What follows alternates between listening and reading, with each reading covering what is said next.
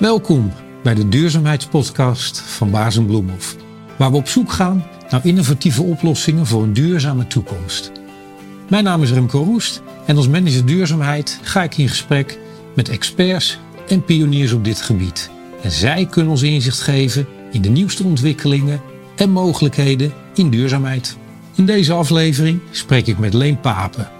Leen is hoogleraar Corporate Governance en onder meer commissaris en toezichthouder bij Unive en bij de pensioenfondsen SNS Reaal, ING en ABP. In deze aflevering gaan we het hebben over de verantwoordelijkheid van organisaties.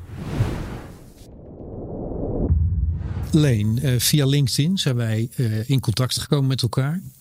Ik vind uh, persoonlijk de morele kant, de morele afweging uh, maken van veel uh, dingen heel interessant. En ik kwam daar op LinkedIn een heleboel posts van jou tegen. Zo is eigenlijk de verbinding ontstaan ja, vraag reist wie is Leen Papen en wat is corporate governance? Wat is eigenlijk deugdelijk bestuur? Ja, dank je Remco. Ja, wie is Leen Papen? Nou ja, ooit uh, geboren getogen in een klein dorpje in Zeeland. En via de militaire academie accountant geworden. En uiteindelijk ook um, uh, op Nijenrode bestuurder en hoogleraar. En, en naarmate je ouder wordt, dan, uh, althans in mijn geval, dan wordt de zorg om de wereld wordt wat groter. En dan heb je kinderen en kleinkinderen. En je wil natuurlijk dat die uiteindelijk ook in een goede wereld kunnen opgroeien. Dus ik uh, merk aan mezelf dat ik uh, wat meer en langer nadenk over hoe krijgen we deze wereld op een betere manier ingericht. En goed bestuur, dus corporate governance is een duur, duur woord, maar het gaat in feite over de vraag hoe bedrijven in de samenleving datgene doen wat nodig is, in mijn termen, om het maatschappelijk welzijn te vergroten. En uh, Fijke Siebesma, ooit uh, de baas van DSM, zei dat zo mooi. Als je als bedrijf geen bijdrage levert aan het oplossen van een maatschappelijk probleem, dan moet je je de vraag stellen of je wel bestaansrecht hebt. En dus probeer ik uh, in mijn colleges op Nijrode voor commissaris en bestuurderen ook met name dat perspectief te benadrukken. Wat doe je als bedrijf en wat doe je als bestuur en toezicht om te zorgen dat de maatschappij er beter van wordt. Ja. ja. En als ik dan hoor zeggen, uh, bijna achterloos maatschappelijk welzijn. Waar hebben we het dan over? Welke, welke, binnen welke context bevindt zich dat? Nou, dat, dat dankjewel. Dat is natuurlijk een, een, mooi begrip. Hè? Wat is welzijn? We hebben natuurlijk um, de neiging alles te vertalen in welvaart. En welvaart, dat meten we dan in de vorm van hoeveel euro's er eh, binnenkomen. Hoe groot het uh, bruto nationaal product is, uh, gemeten weer in euro's.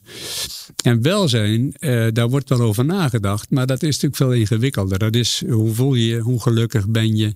Um, en dan is het bijzondere dat we in de afgelopen 50, 60 jaar wordt dat ook regelmatig gemeten. Uh, het geluk, eh, de, geluksbeleving van mensen. En er komt al 50 jaar lang een 7,5 uit. He, dus gemiddeld genomen uh, zijn we al 50 jaar lang eigenlijk heel gelukkig een 7,5 op een schaal van 1 tot 10. En maar als je over die 50 jaar kijkt, nou, dan kun je in ieder geval vanuit een welvaartsperspectief zeggen, nou, uh, we zijn echt wel een stuk beter af in geld gemeten dan uh, 50 jaar terug. Maar voor jou en mijn geluk maakt het geen bal uit. En daar zit denk ik wel een zekere paradox. Hè? Dus hoe kun je dat welzijn uh, nog beter dienen en niet alleen maar gericht zijn op hoe, hoeveel geld kunnen we binnenharken. Ja, mooi punt. Mooi punt. Um, we hebben het vandaag met elkaar uh, over duurzaamheid. Dat is eigenlijk de basis die onder het gesprek ligt. Ja. Maar duurzaamheid uh, wil natuurlijk niet alleen pure milieukant zeggen, maar dat heeft ook iets van uh, langdurig houdbaar. Um, als ik dan om me heen kijk in de wereld op dit moment, dan lijkt iedereen boos, iedereen ontevreden. Dus er is van alles aan de hand. Um, als we het dan hebben over organisaties, de samenleving en bedrijven. Um, wat, wat, is dan veranderd de afgelopen decennia? Waarom is er een noodzaak tot verandering? Nou ja, die noodzaak komt uh, denk ik toch voort uit het besef dat uh, klimaat verandert, het milieu uh, gehinderd wordt door allerlei dingen die we doen. Dat de ongelijkheid in de wereld groter wordt. Hè. Dus daarmee heb je ook meer mensen die inderdaad minder hebben en een paar die het ongelooflijk goed hebben. Dus er zijn wel een paar van die trends, lange termijn, die ook, ook hinderen. En dat besef is in de loop van de jaren alleen maar, denk ik, sterker geworden. En dus um, ja, is er ook weer een, een, een, reden om opnieuw na te denken over wat is nou hetgeen waar het allemaal om draait. Is dat dan weer dat, die welvaart of dat meer in dat welzijn? En als voorbeeld, ik ben actief als toezichthouder bij een paar pensioenfondsen. En als je dan daar vraagt, um, wat is eigenlijk het doel van een pensioenfonds? Dan roept iedereen, ja nee, dat is zorgen voor een goed pensioen. Dat er een, net, een net bedrag uiteindelijk kan worden uitgekeerd aan jou en mij als we met pensioen zijn. En ik zeg, nou mooi niet. Uh, dat is natuurlijk uh, veel te eng gedefinieerd. Want je kunt wel een mooi pensioen genieten en een, een, mooi maandelijks bedrag op je rekening krijgen. Maar op het moment dat er ja, uh, een samenleving is waarin het milieu zeer belast is, waarin het niet meer prettig wonen en leven is, wat heb je dan nog aan die centen? Met andere woorden, ook daar moet je nadenken over een, een evenwicht tussen de geldelijke component en datgene wat aan duurzaamheid in de samenleving gebeurt. En daar eh, moet je het met elkaar wel vaker over hebben dan we tot voor kort deden. Ja, dat klopt. Ik vind dat een hele mooi, uh, heel mooi brugje eigenlijk naar uh, vraagstelling in de zin van als ik kijk naar jonge mensen. Veel jonge mensen die kijken op een totaal andere manier naar leven, naar balans tussen werk en privé. Uh, dan ik vroeger deed. En aanvankelijk viel ik heel makkelijk in de veroordeling. Wat onzin, je moet gewoon lekker 80 uur werken per week. Maar langzamerhand heb ik ook wel besef gehad van ja, misschien zitten zij op het goede spoor en ik niet helemaal. Maar in die veranderende omgeving van veel jonge mensen die met een heel ander perspectief kijken naar werk, privé, passen daar en dan beginnen misschien een beetje te morrelen aan de heilige huisjes. Die hele grote, machtige bedrijven nog wel bij die voor ons bepalen wat normaal is, wat het moreel is. Nou, dat is uh, een grote vraag. Uh, ik zie niet wel bij mijn kinderen. Ik heb er vier en uh, twee kleinkinderen. en met name bij de jongste twee kinderen zie ik dit ook werkelijk gebeuren. Dus die denken bewust na over hoeveel uren wil ik eigenlijk werken. wat wil ik doen in mijn tijd? Hoe reis ik? Dus dochter Amber gaat mee in maart wintersport. Nou, dat kan bijna ook al niet meer. Maar dan zegt ze nou, pap, mam, ik kom wel met de trein. oh, oké. Okay niet vliegen, nee, nee, ik kom met de trein. Dus die maken echt uh, andere, andere keuzes met elkaar. En ja, dat is wel, wel zeer te prijzen. En als je even teruggaat naar uh, die grote bedrijven, ja, dat is wel een serieus probleem. Hè? Dus uh, ik, ik, ben actief bij het IMF in Washington. En daar uh, maken ze zich ook samen met de Wereldbank zorgen over de macht van grote bedrijven. Is die macht niet zo groot geworden dat ze via lobbyen bij de politiek te zeer hun zin krijgen? Dat ze zoveel geld naar zich toe hebben gehaald dat ze elke concurrent kunnen opkopen. En daarmee natuurlijk. Nou ja, de wereld niet per se beter maken. Dus monopolies, uh, dus uh, bedrijven die te veel macht hebben, dat is niet goed voor, uh, voor jou en mij als consument en niet goed voor de samenleving. En ehm, die zorg is er steeds meer en steeds breder. En er is maar één manier om dat probleem op te lossen. Dat is ja, niet alleen omdat consumenten dan niet meer zouden moeten kopen bij die bedrijven, maar dat is knap ingewikkeld, want ze hebben steeds meer macht en steeds meer een grotere positie. En dan moet je dus als overheid moet je ingrijpen. Dat is wat resteert. Ja, ik ben het wel met je eens. En ik vind het ook leuk om te zien. Ik uh, heb jouw LinkedIn gisteravond nog eventjes bekeken. Ik zag dat je een post hebt geplaatst uh, over het boek Owning the Future van Adrienne Buller en Matthew Lawrence. En eigenlijk in dat boek Owning the Future, daar wordt uh, ingegaan op de vraagstelling inderdaad. Wat is heden ten dagen die macht van die grote bedrijven? En terugpakkend op wat je net zei, dat ja, het heeft ons wel heel veel goeds gebracht eens. Maar is de tijd niet gekomen waarop we zouden moeten nadenken over onze eigen wensen en behoeften als individu en die centraal stellen? Uh, dat zou denk ik meer passen bij het gevoel wat uh, veel jonge mensen in zich dragen. Ja. Maar gaat dat nog wel samen met de plek waar die grote corporates terecht zijn gekomen tegenwoordig? zo ver weg bij de mens vandaan. Ja, dat is het. Dus uh, terug naar mijn kinderen. Die maken andere afwegingen. Dus dochter Amber uh, reist niet alleen met de trein. Maar die koopt ook vooral tweedehands kleding. dus die, die zegt, ja, ik koop niet meer uh, kleding nieuw. Want dat is natuurlijk toch een beetje zonde.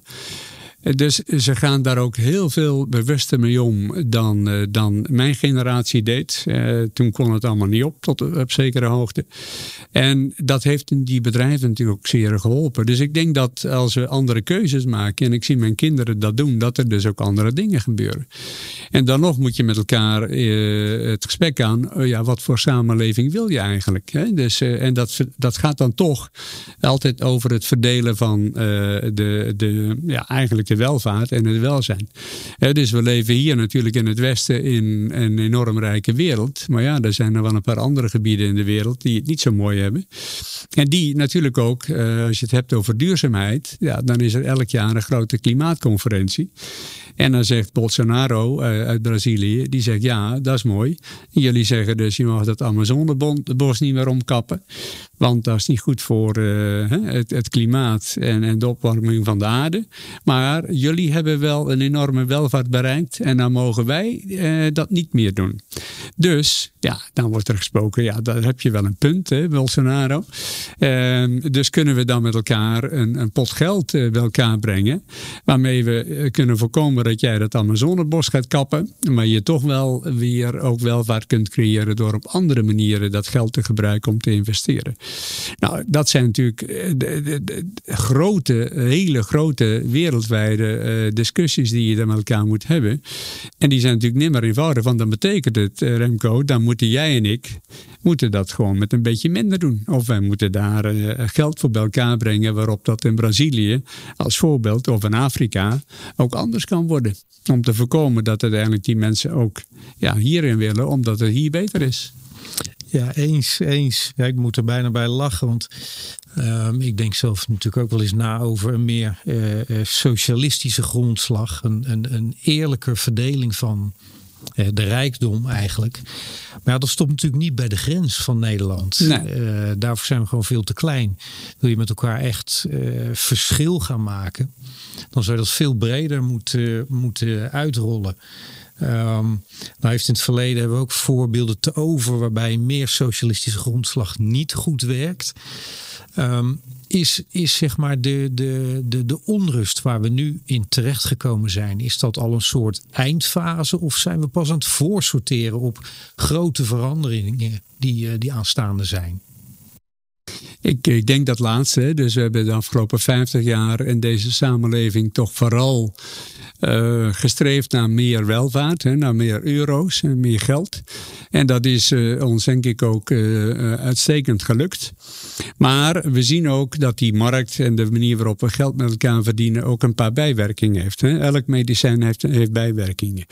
En je ziet nu dat ehm, die welvaart ten koste ging van, nou ja, de mensen aan de onderkant van de samenleving. Je ziet dat het ten koste ging van het milieu. Je ziet dat het koste gaat van het klimaat.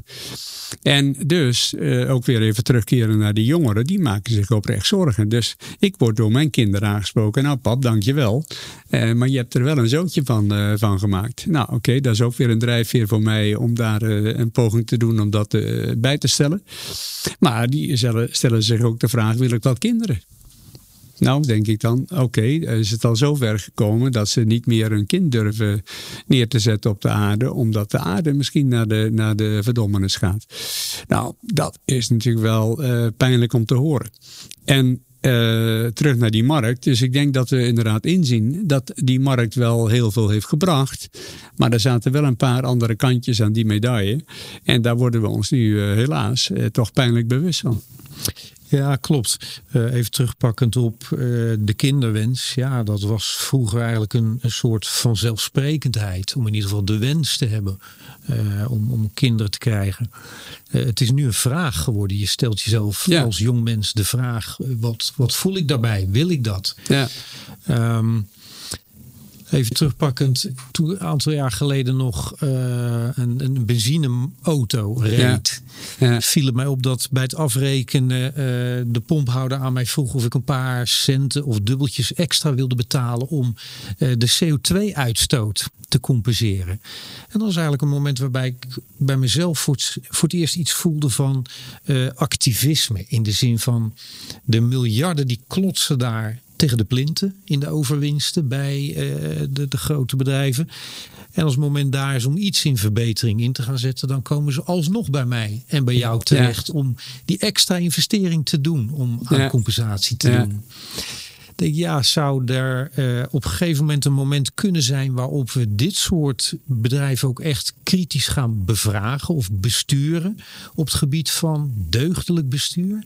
En gaan jij en ik dan aangeven aan zo'n bedrijf wat wij vinden dat de route moet zijn? Nou, dat is uh, ook weer een hele mooie vraag. Kijk, uh, twee dingen. Eén, uh, elk jaar komt er een, uh, een, een enquête uit. de resultaten van een enquête, de Edelman Vertrouwensbarometer. Zo heet dat ding. En daarin zie je de laatste jaren een paar opmerkelijke dingen. Eén, mensen vertrouwen hun leiders niet meer. Hè? Dus ze vertrouwen de politiek niet. Um, ze vertrouwen ook de media niet. En ze vertrouwen ook bedrijven niet. Tweederde van de mensheid, die wordt ondervraagd, zijn er 32.000 uh, wereldwijd. Die zegt wij worden willens en wetens voorgelogen door die drie uh, instanties. Door bedrijven, politiek en door de media. Dat is wel ernstig zorgwekkend, want non de ju. Uh, dat betekent dat je ja, als, als gewone burger eigenlijk niet meer vertrouwt op diegenen die aan de top staan van, eh, van het circus. Tegelijkertijd, als die mensen dan wordt gevraagd: oké, uh, wie moet als het ware ons hier uit dit gedoe leiden? Wie moet voorop gaan? Dan zeggen 80, 90 procent van die mensen zegt dat zijn de bedrijven. Dus die zeggen, nee, het zijn de CEO's. Die moeten voorop gaan. Die moeten ons de weg wijzen. En die moeten ook eh, de maatschappelijk relevante discussies met ons willen voeren. En zich daar ook over uitspreken. Over alle thema's die nu actueel zijn. Dus de verwachting van, uh, zeg maar, jou en mij als representant van de samenleving is wel dat bedrijven daarin voorop gaan. Nou, dat is inderdaad moeizaam, want ja, uh, kijk naar Shell als voorbeeld. Ja, die moeten dan via de rechter worden aangesproken om uh, wat meer te doen en uh, best te doen om CO2 te besparen. En als er dan al wordt geïnnoveerd, en innovatie is altijd belangrijk, want innovatie is de drijvende kracht voor het op, om de problemen van vandaag te kunnen oplossen. En dan is het inderdaad wel gek dat we zeggen: Nou, uh, Remco, zijn jij en ik bereid om wat extra te betalen voor een product om daarmee de schadelijke effecten weer ongedaan te kunnen maken? Eigenlijk is dat raar. Je moet dat niet vrijwillig maken. Je moet dat gewoon bij die bedrijven ook verplicht opleggen via een CO2-heffing. Nou, dat is wat nu gebeurt. Maar aan het eind van de dag is het altijd een vraag aan jou en mij. Maar op het moment dat je, hè, dat heet zo mooi de true price, de werkelijke prijs moet betalen voor die liter benzine, voor dat vliegticket, voor uh, nieuwe meubilair of wat dan ook. Ja, dan, dan leg je een prijsprikkel bij jou en mij neer. En in die zin werkt de markt natuurlijk wel goed. Want ja, gaan jij en ik dan nog uh, dat willen betalen? Of zeggen, nou, dan vliegen we maar een keertje niet. Of dan maar geen nieuwe keukenkastjes. Of dan maar uh, geen nieuwe spijkerbroek. dus ABN AMRO heeft ooit uit laten rekenen. Wat zou de echte prijs moeten zijn van een spijkerbroek? Nou, die kost normaal 60, 70, 80, 90, 100 euro. Hangt er vanaf welke merk je wil kopen. En ze hebben dat dus even geprobeerd te berekenen. Oké, altijd arbitrair. Maar dat was 33 euro te goedkoop. Dus een spijkerbroek zou 33 euro duurder moeten zijn. Om uh, als het ware alle kosten die we niet in rekening brengen, om die wel door te berekenen. Nou, als jij en ik daar in die winkel staan, dan denken we: oké, mm, hij kost geen uh, 90, maar hij kost er uh, 120. Ga ik dan die spijkerbroek kopen of doe ik nog maar wat langer met een oude spijkerbroek? Dus uiteindelijk is de prijsprikkel, denk ik, wel een goede prikkel om het gedrag van jou en mij als consument ook te kunnen beïnvloeden. En als we dus de werkelijke prijs zouden doorberekenen, dan denk ik dat jij en ik ook echt andere besluiten zouden nemen. Ja, dat klopt. In de media horen we vaak voorbij komen de verregaande prijsdifferentiatie, een heel mooi woord. Komt er eigenlijk gewoon op neer dat we dat betalen voor een product, wat het ook daadwerkelijk aan kosten in de omgeving heeft opgeleverd. Ik hoorde je net uh, iets zeggen over de maatschappelijk relevante discussie. Maar de maatschappelijk relevante discussie is voor mijn gevoel voor mij heel anders dan die misschien voor jou is. Um, past dat bij de tijd waarin we nu zitten, waarin we een soort richting uh, lijken te zoeken, uh, ons nog buigen over de vraag of klimaat en milieu überhaupt nog een probleem is? Ja, ik denk het wel. Dus ik denk dat datgene wat we nu in die afgelopen 50, 60 jaar met veel succes hebben kunnen realiseren. Na de Tweede Wereldoorlog, het land opbouwen uh, en ook weer uh, ja, het goed hebben met elkaar. Dat is gelukt. En we zien nu een paar dingen. Eén, de bijwerkingen eh, van dat succes die beginnen steeds manifester te worden. Dus dat creëert ook onrust, dat creëert ook angst en dat creëert ook tegenstellingen. En je ziet dat in de Tweede Kamer natuurlijk al helemaal. Uh, toen ik een jongetje was, had je nog een paar partijen waarop je kon stemmen. Inmiddels zijn er twintig in de Tweede Kamer. Dus je ziet ook die polarisatie ook toenemen. Hè. De mensen komen meer tegenover elkaar te staan vanuit de oprechte zorg. Hè. Dus de stemmen die nu op de BBB zijn gedaan, zijn ook vaak proteststemmen. Of mensen die, die zich zorgen maken met recht over wat er allemaal gebeurt. En daar moet dus ook een antwoord op komen. En er is maar één plek. En dat is toch ja, in, de, in de politieke arena waar we met elkaar moeten zoeken naar, kunnen we nog zoeken naar een gemeenschappelijk belang. Maar dat is op dit moment knap ingewikkeld geworden helaas. Ik ben wel een optimist. Ik denk dat, dat, dat we er wel uitkomen en dat we wel met elkaar in staat zijn om die oplossingen te bedenken. Maar het gaat niet zonder slag of stoot. Zeker niet.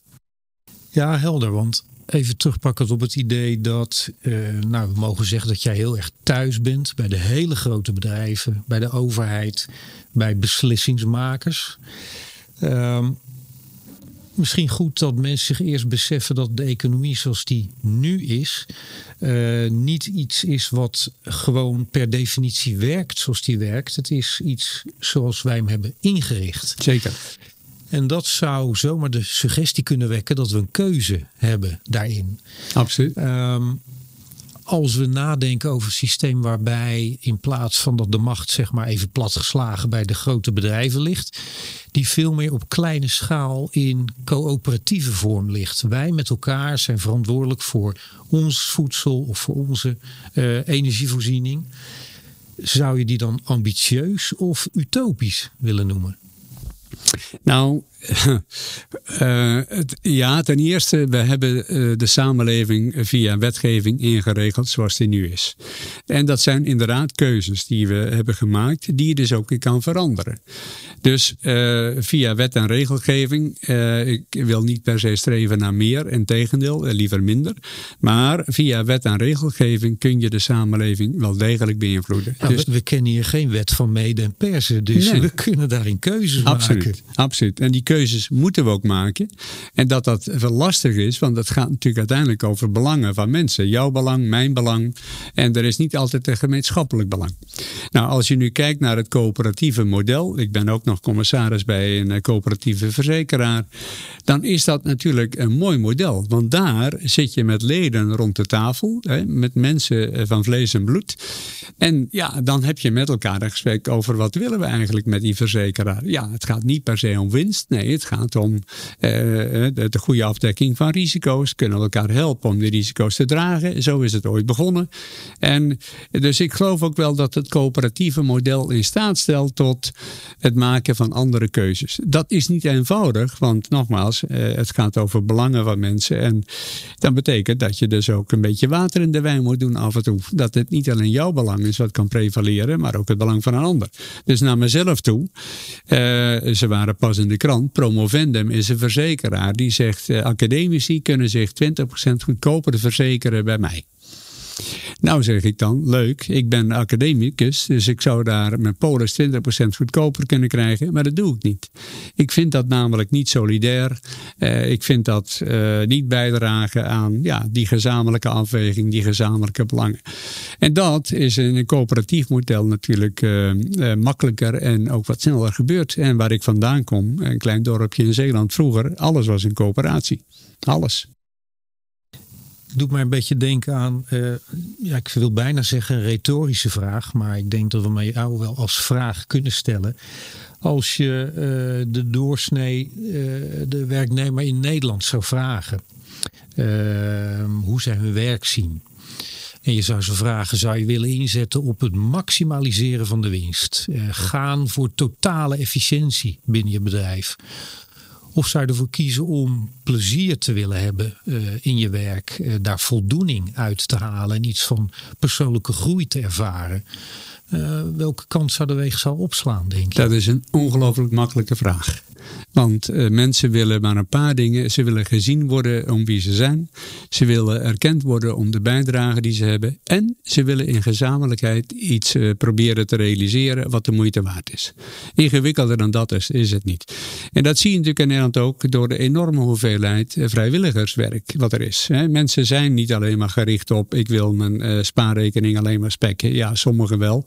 Maar ze doen wat werk voor de voetbalvereniging. Ze helpen elkaar. Uh, of het nou de voedselbank is. Er zijn heel veel manieren waarop mensen bereid zijn uh, toch iets bij te dragen aan, aan deze samenleving zonder dat dat geld oplevert. Dus uiteindelijk willen we gewoon een prettig leven. En uh, ook als je kijkt naar werken, dat is ook onderzocht trouwens. Oké, waar worden mensen gelukkig van? Wat staat er op één na onderaan? Onderaan staat forensen. Dat wil zeggen heen en weer rijden en de file in het verkeer. En net boven forensen staat werken. Dus werken is een van de minst gewaardeerde activiteiten. En als je dan vraagt hoe dat komt, dan is het antwoord, uh, weet ik ook niet precies. Maar er is ook gevraagd met wie wil je graag uh, samen zijn? Wie staat er stijf onderaan, echt stijf onderaan? Dat is de baas. En dat komt omdat dus werk niet leuk wordt gevonden, omdat vaak de baas niet leuk is. Die zit ze uh, achter de vodden, die wil dat ze harder werken. En daarmee is er uh, onvoldoende plezier in het werk en ook geen veiligheid in het werk. En dat laatste wil ik ook nog even benoemen. We willen een veilige werkomgeving, omdat we daarin dan kunnen floreren met elkaar, ons uh, verbonden kunnen voelen. En ja, pas uh, sprak ik een collega commissaris bij een vooraanstaand bedrijf. En daar hadden ze de vraag gesteld: hoe veilig voelt u zich in uw afdeling? 71% zei: nee, ik voel me niet veilig. Wauw. Dus uh, als je de vraag stelt aan mensen wat wil je, dan wil je leuk werk, prettig werk, wat ergens uh, toe doet. En je wil er ook voor erkend en gewaardeerd worden. En nee, dat is niet alleen geld. Verre van. Als we die extreem simplificeren, zou je dan kunnen zeggen dat niet langer bezit, maar behoefte centraal gesteld zou mogen worden? Ja, dat is het. En ik denk dat op het moment uh, dat je daar meer met elkaar over in gesprek zou gaan, uh, dan, dan komen er echt andere conclusies, andere afwegingen. En dat is ook wat ik in die pensioenbedrijven uh, waar ik rondloop ook zeg. Op het moment dat we naar een prettige samenleving toe werken, dan is geld nog wel belangrijk. Hè? Maar iemand zei ooit, ja, je wil eigenlijk een paar dingen. Je wil eten kunnen kopen, je wil een dak boven je hoofd en je wil het huis kunnen verwarmen. Dus misschien moeten we het niet over geld hebben, maar over hoe kun je uh, inderdaad uh, bonnetjes krijgen, bij wijze van spreken, om eten te kunnen krijgen. Hoe kun je regelen dat er een, een, dak boven je hoofd is en dat er ook energie is om het te verwarmen. Nou, dan ben je al een heel eind. Dat zijn natuurlijk de basisbehoeftes. En dat is niet per se lange en verre vliegreizen maken naar, naar Nieuw-Zeeland. Nee.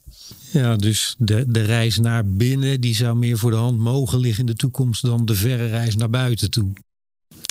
Ja, en dat is ook als mensen ouder worden, en dat merk ik aan mezelf, eh, dan word je ook eh, eh, ja, wat nadenkender en je wordt ook wat milder. En je denkt, ja, god, eh, dat, eh, die vraag stel ik me ook wel eens. Alleen, ik heb mijn leven lang hard gewerkt. En was dat nou altijd wel, wel zo nodig? Ja, misschien kwam dat vanuit mijn achtergrond in dat Zeeuwse dorpje. Maar daar ga je wel een beetje anders over nadenken, want uiteindelijk wil je gewoon samen met elkaar het leuk hebben en vooral met je kinderen kinderen en je kleinkinderen. Ja, wat dat betreft alleen maar uh, positief te noemen, denk ik dan dat veel jonge mensen op hele jonge leeftijd al over die vragen nadenken, waar, waar ik relatief oud voor moest zijn. Ik ben dus ook hoopgevend en optimistisch, omdat ik gewoon bij mijn kinderen zie dat ze daar anders over nadenken dan ik deed. En ik ben er ook eerlijk gezegd af en toe wel een beetje jaloers op. Dat ik denk, ja, god, dat had ik uh, misschien ook moeten doen. Maar ja, oké, het is wat het is. Met de kennis van nu. Ja, met de kennis van nu. Uh, alleen we gaan deze aflevering uh, afronden met uh, het stellen van een vraag aan jou. En dat, dat wil ik een kleine bonus noemen van Aristoteles, de Griekse filosoof. Ehm, die stelde waar je talenten en de behoeften van de wereld elkaar kruisen, daar ligt je roeping. Waar zou dan voor jou, Leen, jouw roeping liggen? Ja, mooie vraag Remco om af te sluiten. Ja, mijn roeping ligt er toch in om uh, deze wereld een beetje beter achter te laten dan ik hem wellicht heb gecreëerd in mijn werkzame leven. Uh, en dus hou ik een pleidooi voor ja, meer duurzaamheid, meer oog voor elkaar. Uh, en wat ik dan probeer is datgene wat ik aan kennis en kunde en ervaring heb opgedaan in, in uh, een lang leven, om dat ten dienste te stellen van dat doel. Dus hoe kan ik een pensioenfonds een beetje uh, de koers laten bij, bijstellen. Hoe kan ik bedrijven waar ik uh, rondloop ook uh, helpen in het nou ja, zorgvuldiger omgaan met dat maatschappelijk welzijn. En dan heb ik zeker wel iets te brengen opgedaan vanwege al die, die kennis en kunde in die langere reeks van jaren. En daar ligt dan denk ik mijn roeping. Ja, daar kan ik nog steeds mijn bed vooruit komen en ook elke dag weer mijn best te doen. En dus vind ik het ook mooi. Dankjewel voor de uitnodiging om hier te zijn. Om uh, hopelijk ook een kleine impact te hebben op datgene wat de luisteraar straks gaat horen. En misschien helpt het ook om uh, nou ja, ook daar de koers een klein beetje bij te stellen. Ja, dank voor je komst. Wordt uh, enorm gewaardeerd. En daarmee, daarmee ronden wij hem af. Dankjewel. Dankjewel.